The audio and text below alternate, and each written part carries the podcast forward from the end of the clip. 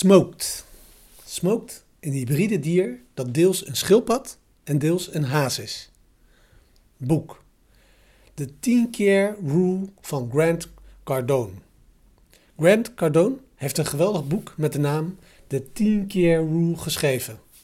Daarin vertelt hij ons dat we het hele verhaal over de schildpad en de haas verkeerd begrepen hebben.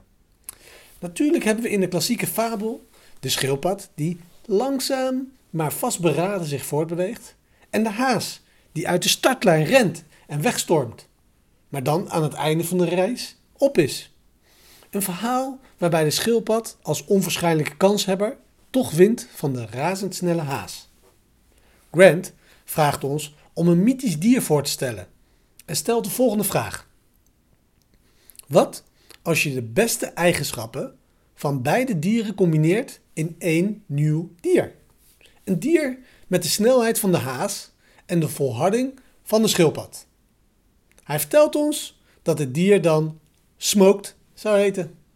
Smoked heeft dan de razendsnelle snelheid van de haas en hij weet hoe hij op de lange termijn in het spel moet blijven. Hij weet hoe hij zijn energie moet managen om ervoor te zorgen dat hij zichzelf niet opbrandt. De microles van vandaag komt in de vorm van een vraag. Lijk jij meer op de schildpad of op de haas?